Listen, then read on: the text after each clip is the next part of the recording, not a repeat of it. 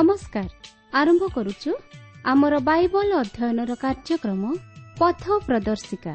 ପବିତ୍ର ବାଇବଲ କହେ କାରଣ ପାପର ବେତନ ମୃତ୍ୟୁ କିନ୍ତୁ ଈଶ୍ୱରଙ୍କ ଅନୁଗ୍ରହ ଦାନ ଆମ୍ଭମାନଙ୍କର ପ୍ରଭୁ ଖ୍ରୀଷ୍ଟ ଯୀଶୁଙ୍କ ସହଭାଗିତାରେ ଅନନ୍ତ ଜୀବନ ଅଟେ। ଆସନ୍ତୁ ସେହି ମୃତ୍ୟୁର ଭୟରୁ ରକ୍ଷା ପାଇ ଅନନ୍ତ ଜୀବନର ଅଧିକାରୀ ହେବା ନିମନ୍ତେ ଶୁଣିବା ବେତାର କାର୍ଯ୍ୟକ୍ରମ ପଥ ପ୍ରଦର୍ଶିକା।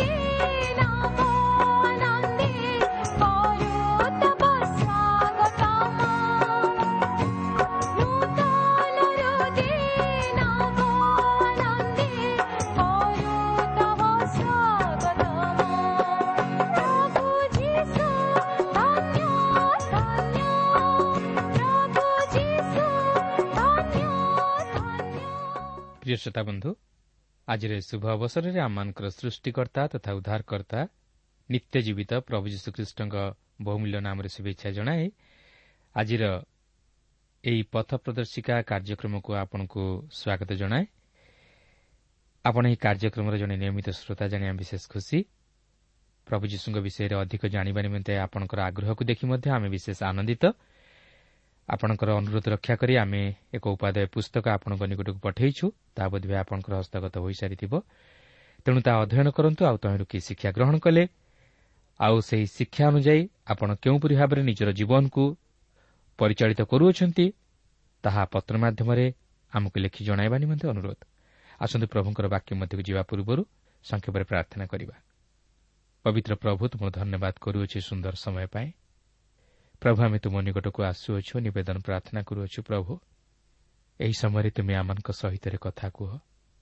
ତୁମର ବାକ୍ୟ ମଧ୍ୟ ଦେଇ ପ୍ରଭୁ ତୁମେ ଆମମାନଙ୍କୁ ଶାନ୍ତି ସାନ୍ତ୍ୱନା ଶକ୍ତି ଦିଅ ଭରସା ଦିଅ।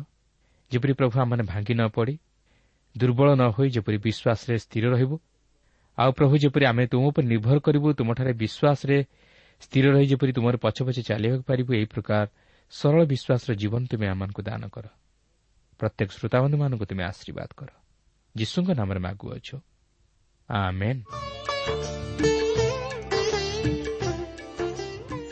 ଆସନ୍ତୁ ବର୍ତ୍ତମାନ ଆମେ ପ୍ରଭୁଙ୍କର ବାକ୍ୟ ମଧ୍ୟକୁ ଯିବା। ଆଜି ଆମେ ଜୋହନ ଲିଖିତ ସୁଷମାଚାରର ସାତ ପର୍ବର ସଇଁତିରିଶ ପଦରୁ ଆରମ୍ଭ କରି ଆଠ ପର୍ବର ଏଗାର ପଦ ପର୍ଯ୍ୟନ୍ତ ଅଧ୍ୟୟନ କରିବା ନିମନ୍ତେ ଯିବା। ତେବେ ଏଠାରେ ମୁଁ ଆପଣଙ୍କୁ କହି ରଖେ ଯେ ପ୍ରଭୁ ଯୀଶୁ ସେହି ପତ୍ରକୁଟିର ପର୍ବରେ ଜିରୁସାଲମକୁ ଯାଇଛନ୍ତି ଓ ସେ ମନ୍ଦିର ମଧ୍ୟରେ ପ୍ରବେଶ କରି ଶିକ୍ଷା ଦେଉଛନ୍ତି।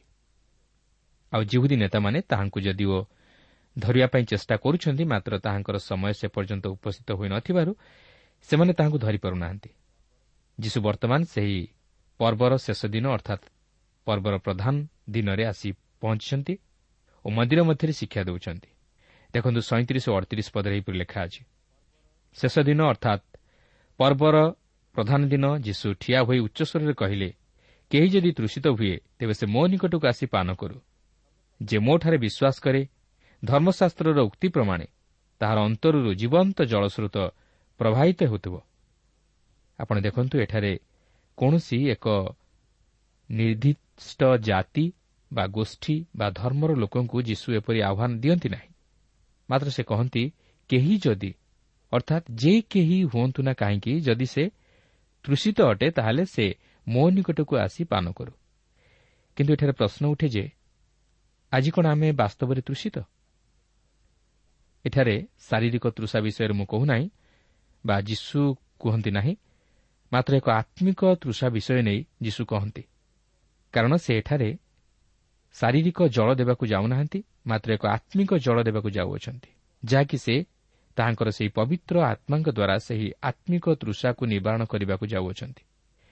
କିନ୍ତୁ କଥା ହେଉଛି ଯେପର୍ଯ୍ୟନ୍ତ ଆମେ ସେହି ତୃଷାକୁ ଉପଲବ୍ଧି କରିନାହୁଁ ସେ ପର୍ଯ୍ୟନ୍ତ ଆମେ କେବେ ହେଲେ ପ୍ରଭୁ ଯୀଶୁଙ୍କ ନିକଟକୁ ଆସିପାରିବା ନାହିଁ। ଆଜି ଅନେକ ଲୋକ ନିଜର ଆତ୍ମିକ ତୃଷାକୁ ମୋଚନ କରିବା ପାଇଁ ମନୁଷ୍ୟର ଆଶ୍ରୟ ନିଅନ୍ତି। ନାନା ପ୍ରକାର ଦାନ ଧର୍ମ କରି ସେହି ତୃଷାକୁ ନିବାରଣ କରିବାକୁ ଚେଷ୍ଟା କରନ୍ତି ମାତ୍ର ସେମାନେ ପାରନ୍ତି ନାହିଁ। ଯେହେତୁ ଯୀଶୁଙ୍କଠାରେ ହିଁ କେବଳ ସେହି ଜଳ ଅଛି ଯାହାଙ୍କ ନିକଟକୁ ଯିବା ଦ୍ୱାରା ମନୁଷ୍ୟ ସେହି ଆତ୍ମିକ ଜଳ ପ୍ରାପ୍ତ ହୁଏ ଓ ତାହାର ଆତ୍ମିକ ତୃଷା ନିବାରିତ ହୁଏ। ପ୍ରିୟ ବନ୍ଧୁ ମୁଁ ଜାଣେ ଆପଣ ମଧ୍ୟ ଅନେକ ସମୟରେ ସେହି ତୃଷାକୁ ଅନୁଭବ କରୁଥିବେ। ଆପଣ ହୁଏତ ସେହି ଆତ୍ମିକ ଶାନ୍ତି ଓ ଆନନ୍ଦ ନିମନ୍ତେ ତୃଷିତ ହୋଇଥାଇପାରନ୍ତି। ଆପଣ କିପରି ପାପରୁ ଉଦ୍ଧାର ପାଇବେ ସେଥି ନିମନ୍ତେ ବୋଧହୁଏ ତୃଷିତ ହୋଇଥାଇପାରନ୍ତି। ଏହିପରି ଭାବରେ ଆମେ ପ୍ରତ୍ୟେକ ଆଜି ଆତ୍ମିକ ଜୀବନରେ ସେହି ତୃଷାକୁ ଅନୁଭବ କରୁ। କିପରି ମୋର ଆଶା ମେଣ୍ଟିବ କିପରି ମୋର ଆତ୍ମା ଶାନ୍ତି ପାଇବ କିପରି ମୁଁ ଉଦ୍ଧାର ପାଇବି କିନ୍ତୁ ମୁଁ କହି ରଖେ ଆଜି ଯଦି ଆପଣ ସେହିପରି ତୃଷାକୁ ଅନୁଭବ କରୁଅଛନ୍ତି ତାହେଲେ ପ୍ରଭୁ ଯୀଶୁଙ୍କ ନିକଟକୁ ଯାଆନ୍ତୁ ଓ ତାହାଙ୍କ ନିକଟରେ ନିଜର ଜୀବନକୁ ସମ୍ପୂର୍ଣ୍ଣ ସମର୍ପଣ କରନ୍ତୁ ତାହେଲେ ସେ ଆପଣଙ୍କୁ ସେହି ଜୀବନ୍ତ ଜଳ ଦେବେ। ସେଦିନ ଯେପରି ସେ ସେହି ସମୀରଣିଆ ସ୍ତ୍ରୀର ଆତ୍ମିକ ତୃଷାକୁ ମୋଚନ କରିଥିଲେ ଆଜି ମଧ୍ୟ ସେ ଆପଣଙ୍କର ସେହି ଆତ୍ମିକ ତୃଷାକୁ ନିବାରଣ କରିବେ। ମାତ୍ର ଆମକୁ ଜଣେ ପାପି ସ୍ୱରୂପେ ତାହାଙ୍କର ନିକଟବର୍ତ୍ତୀ ହେବାକୁ ହେବ ଓ ତାହାଙ୍କ ନିକଟରେ ନିଜର ପାପକୁ ସ୍ୱୀକାର କରିବାକୁ ହେବ। କାରଣ ଯେପର୍ଯ୍ୟନ୍ତ ଆମେ ନିଜକୁ ଶୂନ୍ୟ ନ କରିଛୁ ଓ ଆମ ହୃଦୟ ମଧ୍ୟରୁ ସମସ୍ତ କାଳିମାମୟ ବିଷୟକୁ ଦୂର ନ କରିଛୁ ସେ ପର୍ଯ୍ୟନ୍ତ ଆମେ ସେହି ଜୀବନ୍ତ ଜଳକୁ ଗ୍ରହଣ କରିବା ନିମନ୍ତେ ସମର୍ଥ ହୋଇପାରିବା ନାହିଁ କି ଆମେ ସେହି ତୃଷାକୁ ଅନୁଭବ କରିପାରିବା ନାହିଁ। ଆଜି ଏହିପରି ଅନେକ ଲୋକ ଅଛନ୍ତି ଯେଉଁମାନେ କି ନିଜର ଆତ୍ମଧାର୍ମିକତାକୁ ନେଇ ବା ନିଜର ଅନ୍ଧବିଶ୍ୱାସକୁ ନେଇ ସେହି ତୃଷାକୁ ଉପଲବ୍ଧି କରିପାରନ୍ତି ନାହିଁ। ସେଦିନ ଯେପରି ସେହି ଜିହୁଦୀ ଲୋକମାନେ ନିଜକୁ ଧାର୍ମିକ ମନେକରି ଆତ୍ମିକ ଜୀବନରେ ସେହି ତୃଷାକୁ ଅନୁଭବ କରିପାରି ନଥିଲେ ଆଜି ମଧ୍ୟ ଅନେକ ସେହିପରି ଅଛନ୍ତି। କିନ୍ତୁ ମୋର କହିବାର କଥା ଯେ ଆପଣ ଯଦି ନିଜ ଜୀବନରେ ସେହିପରି ତୃଷିତ ଅଛନ୍ତି ତାହେଲେ ପ୍ରଭୁ ଯୀଶୁଙ୍କ ନିକଟକୁ ଯାଆନ୍ତୁ। ତାହେଲେ ସେ ଆପଣଙ୍କର ସେହି ତୃଷାକୁ ମୋଚନ କରିବେ। କାରଣ ତାହାଙ୍କଠାରେ ଜୀବନ୍ତ ଜଳର ନିର୍ଝର ଅଛି। ଓ ଆପଣ ଯେତେବେଳେ ତାହାଙ୍କଠାରେ ନିଜକୁ ସମ୍ପୂର୍ଣ୍ଣ ସମର୍ପଣ କରିଦେବେ ସେତେବେଳେ ଆପଣଙ୍କ ଅନ୍ତରରୁ ସେହି ଜୀବନ୍ତ ଜଳସ୍ରୋତ ପ୍ରବାହିତ ହେବ। କାରଣ ସେ ତାହାଙ୍କର ପବିତ୍ର ଆତ୍ମାଙ୍କ ଦ୍ୱାରା ଆପଣଙ୍କ ଜୀବନରୁ ସେହି ତୃଷା ନିବାରଣ କରିବେ। ତେଣୁକରି ଦେଖନ୍ତୁ ଅଣଚାଳିଶ ପଦରେ ଏହିପରି ଲେଖା ଅଛି ତାହାଙ୍କଠାରେ ବିଶ୍ୱାସକାରୀମାନେ ଯେଉଁ ଆତ୍ମା ପାଇବାକୁ ଯାଉଥିଲେ ତାହାଙ୍କ ବିଷୟରେ ସେ ଏହା କହିଲେ କାରଣ ଯୀଶୁ ସେ ପର୍ଯ୍ୟନ୍ତ ମହିମାପ୍ରାପ୍ତ ହୋଇନଥିବାରୁ ଆତ୍ମା ପ୍ରଦତ୍ତ ହୋଇନଥିଲେ ଏହି ଅଂଶରେ ପ୍ରଭୁ ଯୀଶୁ ପବିତ୍ର ଆତ୍ମାଙ୍କୁ ପ୍ରାପ୍ତ ହେବା ବିଷୟ ନେଇ ପ୍ରକାଶ କରନ୍ତି ଯେଉଁ ପବିତ୍ର ଆତ୍ମା କି ପେଣ୍ଟିକଷ୍ଟ ଦିନ ତାହାଙ୍କର ଶିଷ୍ୟମାନଙ୍କ ଉପରେ ଅବତରଣ କରିଥିଲେ।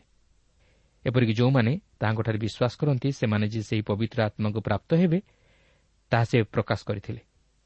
ଆଉ ପ୍ରଭୁ ଯୀଶୁ ମହିମାନ୍ୱିତ ହେଲା ଉତ୍ତାରେ ସେ ସେହି ପବିତ୍ର ଆତ୍ମାଙ୍କୁ ଏହି ଜଗତକୁ ପଠାଇଲେ ଯେ କି କେବଳ ସେହି ପେଣ୍ଟିକଷ୍ଟ ଦିନ ନୁହେଁ ଆଜି ମଧ୍ୟ ସେହି ପବିତ୍ର ଆତ୍ମା ତାଙ୍କର ପ୍ରତ୍ୟେକ ବିଶ୍ୱାସୀମାନଙ୍କ ହୃଦୟରେ କାର୍ଯ୍ୟ ସାଧନ କରନ୍ତି ଓ ସେମାନଙ୍କର ଆତ୍ମିକ ତୃଷାକୁ ନିବାରଣ କରନ୍ତି। ପ୍ରିୟ ବନ୍ଧୁ ସେଥିପାଇଁ ପ୍ରେରିତ ପିତର ଏହି ପବିତ୍ର ଆତ୍ମାଙ୍କର ଦାନ ପ୍ରାପ୍ତ ହେବା ବିଷୟ ନେଇ ଯେଉଁ ବିଷୟ ପ୍ରକାଶ କରନ୍ତି ତାହା ପ୍ରେରିତ ପୁସ୍ତକ ଦୁଇ ପର୍ବର ଅଠତିରିଶ ପଦରେ ଲେଖା ଅଛି। ତେଣୁ ପିତର ସେମାନଙ୍କୁ କହିଲେ ଆପଣମାନେ ମନ ପରିବର୍ତ୍ତନ କରନ୍ତୁ ଆଉ ନିଜ ନିଜ ପାପକ୍ଷମା ନିମନ୍ତେ ପ୍ରତ୍ୟେକ ଜଣ ଯୀଶୁଖ୍ରୀଷ୍ଟଙ୍କ ନାମରେ ବାପ୍ତିଜିତ ହେଉନ୍ତୁ। ତାହାହେଲେ ଆପଣମାନେ ପବିତ୍ର ଆତ୍ମାଙ୍କର ଦାନ ପ୍ରାପ୍ତ ହେବେ। ତେଣୁ ଆପଣ ଦେଖନ୍ତୁ ସେହି ପେଣ୍ଟିକଷ୍ଟ ଦିନ ପବିତ୍ର ଆତ୍ମାଙ୍କର ଅବତରଣ କରିବାରେ ଆମେ ନିଶ୍ଚିତ ହେଉ ଯେ ପ୍ରଭୁ ଯୀଶୁଖ୍ରୀଷ୍ଟ ପିତା ଈଶ୍ୱରଙ୍କର ନିକଟରେ ଉର୍ଦ୍ଧ୍ୱରେ ଗୃହୀତ ହେଲେ ଓ ସେ ଆଜି ମଧ୍ୟ ଜୀବିତ ଅଟନ୍ତି ଓ ଆମମାନଙ୍କର ଉଦ୍ଧାର ନିମନ୍ତେ ପିତା ଈଶ୍ୱରଙ୍କ ନିକଟରେ ନିତ୍ୟ ନିବେଦନ କରନ୍ତି। କିନ୍ତୁ ପ୍ରଶ୍ନ ହେଉଛି ଆଜି କ'ଣ ଆମେ ବାସ୍ତବରେ ସେହି ପାପରୁ ଉଦ୍ଧାର ପାଇବା ନିମନ୍ତେ ଓ ସେହି ଆତ୍ମିକ ସୁଖ ଶାନ୍ତି ଓ ଆନନ୍ଦର ଅଧିକାରୀ ହେବା ନିମନ୍ତେ ତୃଷିତ କି? ଯଦି ତୃଷିତ ବୋଲି ଅନୁଭବ କରୁଅଛୁ ତାହେଲେ ଆଉ ବିଳମ୍ବ ନ କରି ପ୍ରଭୁ ଯୀଶୁଖ୍ରୀଷ୍ଟଙ୍କର ନିକଟବର୍ତ୍ତୀ ହେଇ ତାଙ୍କ ନିକଟରେ ନିଜର ଜୀବନକୁ ସମର୍ପଣ କରୁ। ତାହେଲେ ସେ ଆମମାନଙ୍କୁ ସେହି ଜୀବନ୍ତ ଜଳ ଦେଇ ଆମମାନଙ୍କର ଆତ୍ମିକ ତୃଷାକୁ ନିବାରଣ କରିବେ। ଅର୍ଥାତ୍ ସେ ତାହାଙ୍କର ସେହି ପବିତ୍ର ଆତ୍ମାଙ୍କ ଦ୍ୱାରା ଆପଣଙ୍କ ହୃଦୟରେ କଥା କହିବେ ଓ ସେହି ପବିତ୍ର ଆତ୍ମା ଆପଣଙ୍କ ଜୀବନରେ ଉତ୍ତମ କାର୍ଯ୍ୟମାନ ସାଧନ କରି ଆପଣଙ୍କର ସେହି ଆତ୍ମିକ ତୃଷାକୁ ନିବାରଣ କରିବେ। ଏହାପରେ ଚାଳିଶ ପଦରୁ ଚଉରାଳିଶ ପଦ ମଧ୍ୟରେ ପାଠ କଲେ ଆପଣ ଜାଣିପାରିବେ ଯେ ଏହି ସମସ୍ତ ଶିକ୍ଷା ଶୁଣି ସେମାନଙ୍କ ମଧ୍ୟରୁ କେତେକ ଯୀଶୁଙ୍କଠାରେ ବିଶ୍ୱାସ କରି ସେମାନଙ୍କର ଆତ୍ମିକ ତୃଷାକୁ ମୋଚନ କଲେ ଯାହାକି ସେମାନଙ୍କର ସ୍ୱୀକାରୋକ୍ତିରୁ ଜଣାଯାଏ। ମାତ୍ର ସେମାନଙ୍କ ମଧ୍ୟରୁ ଆଉ କେତେକ ତାହାଙ୍କଠାରେ ବିଶ୍ୱାସ କରିପାରିଲେ ନାହିଁ। ପ୍ରିୟ ବନ୍ଧୁ ଆଜି ମଧ୍ୟ ସେହିପରି ଅନେକ ଲୋକ ଅଛନ୍ତି ଯେଉଁମାନେ କି ପ୍ରଭୁ ଯୀଶୁଙ୍କଠାରେ ବିଶ୍ୱାସ କରିବାକୁ ଚାହାନ୍ତି ନାହିଁ ସେମାନେ ବିଭିନ୍ନ ପ୍ରକାର ଯୁକ୍ତି ବାଢ଼ନ୍ତି ପ୍ରଶ୍ନ କରନ୍ତି ମାତ୍ର ଯୀଶୁଙ୍କଠାରେ ବିଶ୍ୱାସ କରନ୍ତି ନାହିଁ। ତେଣୁ ସେମାନେ ଆତ୍ମିକ ଜୀବନରେ ବର୍ଦ୍ଧିଷ୍ଣୁ ହୋଇପାରନ୍ତି ନାହିଁ କି ସେମାନଙ୍କର ତୃଷା ନିବାରଣ ହୋଇପାରେ ନାହିଁ। ତେଣୁକରି ମନେ ରଖନ୍ତୁ ଶୋଷ ପାଣି ପାଖକୁ ଯାଏ ମାତ୍ର ପାଣି ଶୋଷ ପାଖକୁ ଆସେ ନାହିଁ। ସେହିପରି ଯଦି ଆପଣ ପ୍ରକୃତରେ ନିଜର ଆତ୍ମିକ ତୃଷାକୁ ନିବାରଣ କରିବାକୁ ଚାହାନ୍ତି ତାହେଲେ ପ୍ରଭୁ ଯୀଶୁଖ୍ରୀଷ୍ଟଙ୍କ ନିକଟକୁ ଯାଆନ୍ତୁ କାରଣ ତାହାଙ୍କଠାରେ କେବଳ ଜୀବନର ନିର୍ଝର ଅଛି। ଯେଉଁ ଜୀବନ୍ତ ଜଳ ପାନ କଲେ ଆପଣଙ୍କର ଆତ୍ମିକ ତୃଷା ମେଣ୍ଟି ଯାଇପାରିବ। ଏହାପରେ ପଞ୍ଚଚାଳିଶ ପଦରୁ ବାବନ ପଦରେ ଆପଣ ଲକ୍ଷ୍ୟ କଲେ ଜାଣିପାରିବେ ଯେ ଯେତେବେଳେ ପଦାତିକମାନେ ଅର୍ଥାତ୍ ଯେଉଁମାନଙ୍କୁ ପ୍ରଧାନ ଯାଜକ ଓ ଫାରସୀମାନେ ଯୀଶୁଙ୍କୁ ଧରି ଆଣିବା ନିମନ୍ତେ ପଠାଇଥିଲେ ସେମାନେ ଯେତେବେଳେ ଯୀଶୁଙ୍କୁ ଧରି ଆଣିପାରିଲେ ନାହିଁ ସେତେବେଳେ ସେହି ଫାରୁସି ଓ ପ୍ରଧାନ ଯାଜକମାନେ ସେହି ପଦାତିକମାନଙ୍କ ଉପରେ ବିରକ୍ତ ହୋଇ ଯୀଶୁଙ୍କର ବିପକ୍ଷରେ ନିନ୍ଦା କରି କହିବାକୁ ଲାଗିଲେ। କିନ୍ତୁ ଆପଣ ଲକ୍ଷ୍ୟ କରିବେ ସେହି ଫାରୁସୀମାନଙ୍କ ମଧ୍ୟରୁ ଜଣେ ବ୍ୟକ୍ତି ଯୀଶୁଙ୍କର ପକ୍ଷ ନେଇ ସେହି ଫାରୁସୀମାନଙ୍କ ସହିତ ପ୍ରତିବାଦ କରିଥିଲେ ଆଉ ସେ କିଏ ଜାଣନ୍ତି? ସେ ହେଉଛନ୍ତି ନିକଦିମ ଯାହାଙ୍କ ବିଷୟରେ ଆମେ ପୂର୍ବରୁ ଜୋହନ ତିନି ପର୍ବରେ ପାଠ କରିସାରିଛୁ। ସେ ମଧ୍ୟ ଜୁହୁଦୀମାନଙ୍କର ଜଣେ ନେତା ଥିଲେ। ତେବେ ଏଠାରେ ନିକଦିମ ଫାରୁସୀମାନଙ୍କର ସହିତ ପ୍ରତିବାଦ କରି ଏହିପରି କହନ୍ତି ଯାହାକି ସାତ ପର୍ବର ପଚାଶ ଓ ଏକାବନ ପଦରେ ଲେଖା ଅଛି। ଯେଉଁ ନିକଦିମ ଏଥିପୂର୍ବେ ତାହାଙ୍କ ନିକଟକୁ ଆସିଥିଲେ ଓ ଯେ ସେମାନଙ୍କ ମଧ୍ୟରେ ଜଣେ ସେ ସେମାନଙ୍କୁ ପଚାରିଲେ ଜଣେ ଲୋକଠାରୁ ପ୍ରଥମେ ନ ଶୁଣି ଓ ତାହାର ଆଚରଣ ବିଷୟ ନ ଜାଣି ଆମମାନଙ୍କର ବ୍ୟବସ୍ଥା କ'ଣ ତାହାକୁ ଦୋଷୀ କରେ? ଲକ୍ଷ୍ୟ କରନ୍ତୁ ଏଠାରେ ନିକଦିମ ଯୀଶୁଙ୍କର ପକ୍ଷ ସମର୍ଥନ କରି ଫାରୁସୀମାନଙ୍କର ପ୍ରତିବାଦ କରନ୍ତି। ଏଥିରୁ ଜଣାଯାଏ ଯେ ନିକଦିମ ପ୍ରକୃତରେ ଯୀଶୁଙ୍କଠାରେ ବିଶ୍ୱାସ କରିଥିଲେ। କିନ୍ତୁ ତଥାପି ଏହି ଫାରୁସୀମାନେ ନିକଦିମଙ୍କର କଥାକୁ ଗ୍ରହଣ କରିପାରିନଥିଲେ। ପ୍ରିୟ ବନ୍ଧୁ ଆଜି ପ୍ରଭୁ ଯୀଶୁଙ୍କର ବିଷୟ ନେଇ ଆମମାନଙ୍କର ମତାମତ କ'ଣ? କ'ଣ ଆମେ ତାହାଙ୍କୁ ଜଣେ ସାଧାରଣ ମନୁଷ୍ୟ ଭାବରେ ଦେଖୁ? ନା ତାହାଙ୍କୁ ନିଜର ଉଦ୍ଧାରକର୍ତ୍ତା ରୂପେ ଗ୍ରହଣ କରୁ? ସେ ଯେ ଈଶ୍ୱରଙ୍କ ପୁତ୍ର ଏହା ବିଶ୍ୱାସ କରୁ? ନା ତହିଁ ଉପରେ ଯୁକ୍ତି ବାଢ଼ୁ?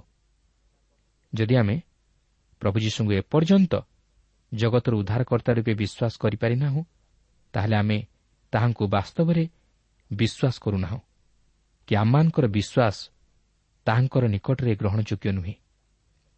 ଯଦି ଆମେ ପ୍ରଭୁ ଯୀଶୁଙ୍କଠାରେ ପ୍ରକୃତରେ ବିଶ୍ୱାସ କରୁ ତାହେଲେ ଆମେ ତାହାଙ୍କର ବାସ୍ତବ ପରିଚୟ ପାଇବା ସଙ୍ଗେ ସଙ୍ଗେ ତାହାଙ୍କର ପ୍ରେମ ତଥା ଅନୁଗ୍ରହକୁ ଜାଣିବା ତଥା ବୁଝିବା ନିମନ୍ତେ ଓ ତହିଁର ସତ୍ୟାସତ୍ୟକୁ ଜାଣିବା ନିମନ୍ତେ ସମର୍ଥ ହୋଇପାରିବା।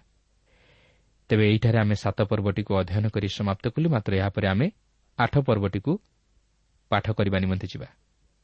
କିନ୍ତୁ ଏହି ଆଠ ପର୍ବଟିକୁ ଅଧ୍ୟୟନ କରିବାକୁ ଯିବା ପୂର୍ବରୁ ମୁଁ ଆପଣଙ୍କୁ କହି ରଖେ ଯେ ସେଦିନ ସେହି ପର୍ବର ଶେଷ ଦିନ ସେମାନେ ପ୍ରତ୍ୟେକ ଯୀଶୁଙ୍କୁ ପରିତ୍ୟାଗ କରି ଆପଣା ଆପଣା ଗୃହକୁ ଚାଲିଗଲେ। କିନ୍ତୁ କେହି ହେଲେ ଯୀଶୁଙ୍କୁ ନିଜର ଗୃହକୁ ଆମନ୍ତ୍ରଣ କଲେ ନାହିଁ। ସେଦିନ ସେହି ପର୍ବର ସମୟ ଥିଲା ଓ ତାହା ରାତ୍ର ଥିଲା। କିନ୍ତୁ ଯୀଶୁଙ୍କୁ କେହି ହେଲେ ନିମନ୍ତ୍ରଣ ଜଣାଇଲେ ନାହିଁ। କାରଣ ସେମାନେ ଯୀଶୁଙ୍କ ସହିତ ଆନନ୍ଦ କରିବାକୁ ଚାହିଁନଥିଲେ। ଆଉ ଯୀଶୁ ସେହି ଜିରୁସାଲାମରେ ନ ରହି ଜିତ ପର୍ବତକୁ ଚାଲିଗଲେ। ପ୍ରିୟ ବନ୍ଧୁ ଆଜି ଆପଣଙ୍କର ଆନନ୍ଦରେ କ'ଣ ଯୀଶୁ ସହଭାଗୀ ଅଛନ୍ତି କି? ନା ଆପଣ ତାହାଙ୍କୁ ବାହାରେ ରଖିଦେଇଛନ୍ତି ଆଜି କ'ଣ ପ୍ରଭୁ ଯୀଶୁ ଆପଣଙ୍କ ହୃଦୟରେ ଅଛନ୍ତି କି? ତେବେ ଆସନ୍ତୁ ଏହି ଆଠ ପର୍ବରେ ଆମେ ଦେଖିବା ଯେ ଯୀଶୁ ଏହାପରେ କେଉଁ ଆଡ଼େ ଗଲେ। ଆଠ ପର୍ବର ପ୍ରଥମ ଦୁଇ ପଦରେ ଏହିପରି ଲେଖା ଅଛି କିନ୍ତୁ ଯୀଶୁ ଜିତ ପର୍ବତକୁ ଗଲେ ପ୍ରତ୍ୟୁଷରେ ସେ ପୁନର୍ବାର ମନ୍ଦିରକୁ ଆସିଲେ ପୁଣି ସମସ୍ତ ଲୋକ ତାହାଙ୍କ ନିକଟକୁ ଆସନ୍ତେ ସେ ଉପବେଶନ କରି ସେମାନଙ୍କୁ ଶିକ୍ଷା ଦେବାକୁ ଲାଗିଲେ।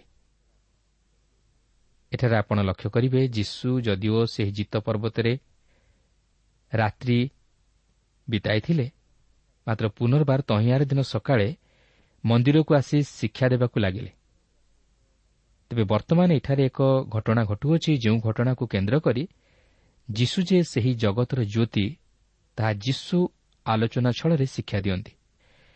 ତେବେ ଘଟଣାଟି ହେଉଛି ଶାସ୍ତ୍ରୀ ଓ ଫାରୁସୀମାନେ ବେଭିଚାର କର୍ମରେ ଲିପ୍ତା ଜଣେ ସ୍ତ୍ରୀ ଲୋକକୁ ଧରି ବ୍ୟବସ୍ଥା ଅନୁଯାୟୀ ତାହାର ବିଚାର କରି ତାହାକୁ ପଥର ଫୋପାଡ଼ି ମରାଯିବା ଉଚିତ କି ନା ସେହି ବିଷୟ ନେଇ ଯୀଶୁଙ୍କୁ ପ୍ରଶ୍ନ କରୁଅଛନ୍ତି।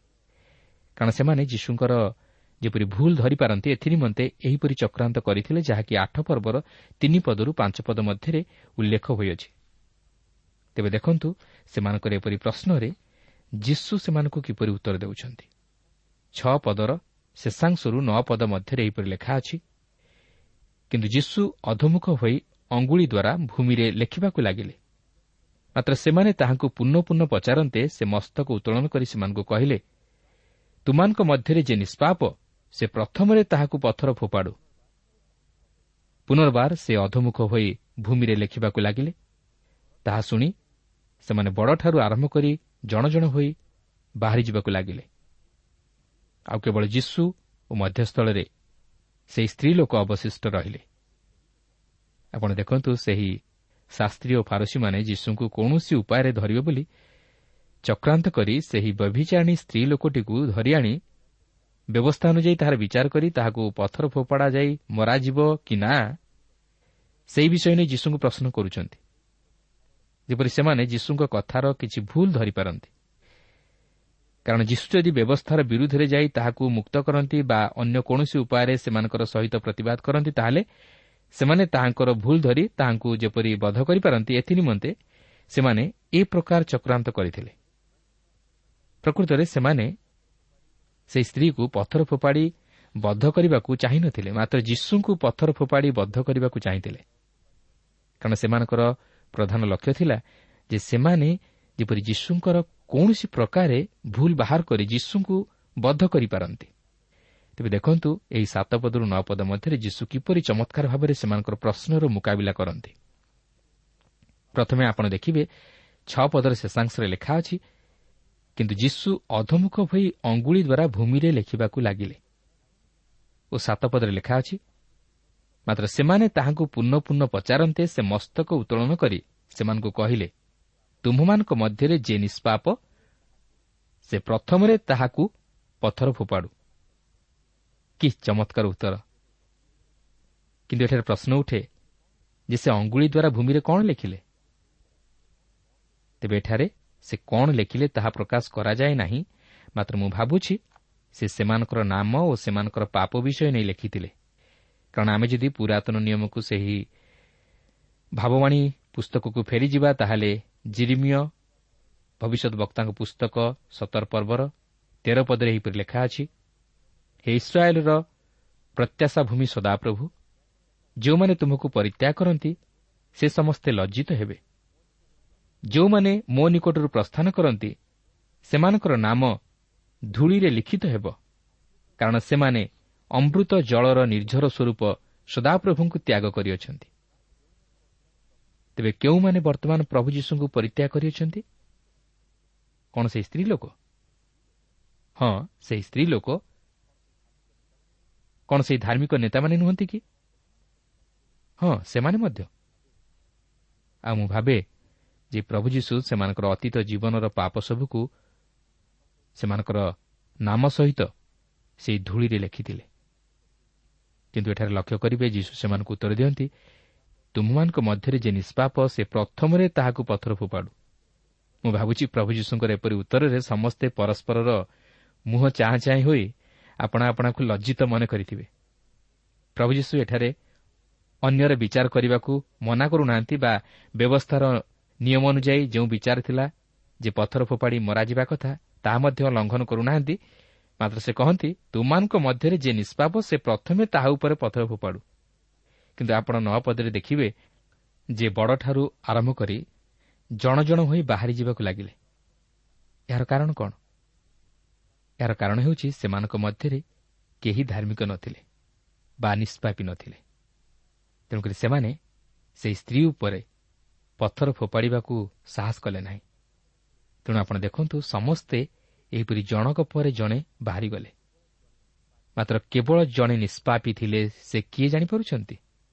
ସେ ହେଉଛନ୍ତି ପ୍ରଭୁ ଯୀଶୁଖ୍ରୀଷ୍ଟ ସେ ଚାହିଁଥିଲେ ତାହା ଉପରେ ପଥର ଫୋପାଡ଼ି ମାରିପାରିଥାନ୍ତେ ମାତ୍ର ସେ ଆମମାନଙ୍କର ପଥର ଫୋପାଡ଼ିବା ଈଶ୍ୱର ନୁହନ୍ତି ମାତ୍ର ଉଦ୍ଧାରକର୍ତ୍ତା ଈଶ୍ୱର ଯଦିଓ ସେ ପାପକୁ ଘୃଣା କରନ୍ତି ମାତ୍ର ପାପୀକୁ ପ୍ରେମ କରନ୍ତି ସେ ପାପୀର ଉଦ୍ଧାର ଚାହାନ୍ତି ବିନାଶ ଚାହାନ୍ତି ନାହିଁ ଦେଖନ୍ତୁ ଯୀଶୁ ସେହି ସ୍ତ୍ରୀକୁ କ'ଣ କହୁଅଛନ୍ତି ଦଶ ଓ ଏଗାର ପଦରେ ଲେଖା ଅଛି ପୁଣି ଯୀଶୁ ମସ୍ତକ ଉତ୍ତୋଳନ କରି ତାହାକୁ କହିଲେ ଗୋ ନାରୀ ସେମାନେ କାହାନ୍ତି?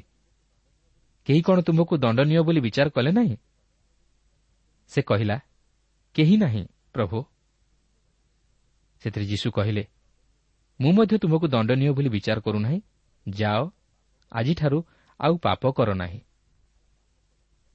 ବାସ୍ତବରେ ଦେଖିବାକୁ ଗଲେ ଏହି ସ୍ତ୍ରୀ ଲୋକଟି ବ୍ୟବସ୍ଥା ଅନୁଯାୟୀ ବିଚାରିତ ହୋଇ ପ୍ରସ୍ତାରାଘାତ ହେବାକୁ ଥିଲା। ମାତ୍ର ପ୍ରଭୁ ଯୀଶୁ ତାହାର ପାପ କ୍ଷମା କରି ତାହାକୁ ଉଦ୍ଧାର କରୁଅଛନ୍ତି। କ'ଣ ଏହା କରିବା ଦ୍ୱାରା ପ୍ରଭୁ ଯୀଶୁ ବ୍ୟବସ୍ଥାକୁ ଲଙ୍ଘନ କଲେ? କେବେ ନୁହେଁ। ସେ ସେହି ସ୍ତ୍ରୀ ଲୋକ ଓ ତା'ର ପାପ ମଧ୍ୟରେ ତାଙ୍କର ସେହି କୃଷକୁ ଆଣି ରଖିଦେଲେ।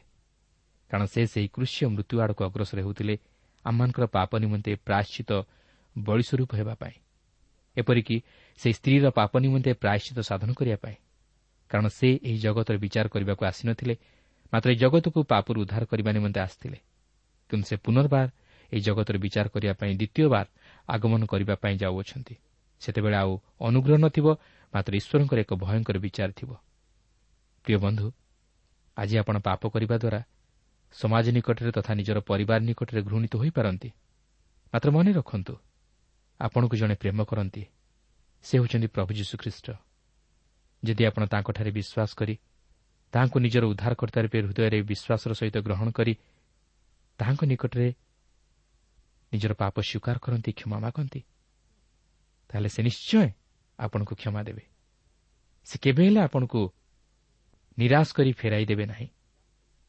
ସେଦିନ ଯଦି ସେହି ସ୍ତ୍ରୀ ଲୋକକୁ କ୍ଷମା ଦେଇପାରିଲେ ତାହେଲେ ସେ କ'ଣ ଆଜି ଆପଣଙ୍କର ପାପ କ୍ଷମା କରିବେ ନାହିଁ କି? ଅନିଶ୍ଚୟ। କିନ୍ତୁ ଆପଣଙ୍କୁ ତାହାଙ୍କର ନିକଟବର୍ତ୍ତୀ ହେବାକୁ ଅଛି ଓ ତାହାଙ୍କ ନିକଟରେ ନିଜର ପାପ ସ୍ୱୀକାର କରି ପାପରୁ ପୃଥକୀକୃତ ଜୀବନ କାଟିବାକୁ ଅଛି। ତାହେଲେ ଆପଣ ପ୍ରଭୁ ଯୀଶୁଙ୍କର ବାସ୍ତବ ପ୍ରେମକୁ ଚାଖିପାରିବେ ପ୍ରଭୁ ପ୍ରତ୍ୟେକଙ୍କୁ ସାହାଯ୍ୟ କରନ୍ତୁ ଯେପରି ଆମେ ପାପରୁ ଫେରି ସେହି ଖ୍ରୀଷ୍ଟଙ୍କର ନିକଟବର୍ତ୍ତୀ ହେଉ। ତାହାଙ୍କର ଇଚ୍ଛା ଅଭିମତ ଆମମାନଙ୍କ ଜୀବନରେ ସଫଳ କରୁ। ପ୍ରଭୁ ପ୍ରତ୍ୟେକଙ୍କୁ ଆଶୀର୍ବାଦ କରନ୍ତୁ।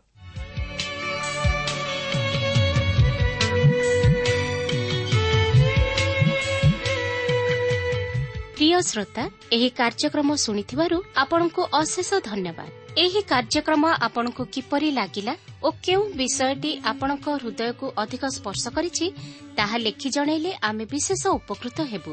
ଯଦି କିଛି ପ୍ରଶ୍ନ ବା ସନ୍ଦେହ ଥାଏ ତାହା ପତ୍ର ମାଧ୍ୟମରେ ଅଥବା ଟେଲିଫୋନ୍ ଯୋଗେ ଆମକୁ ଜଣାନ୍ତୁ।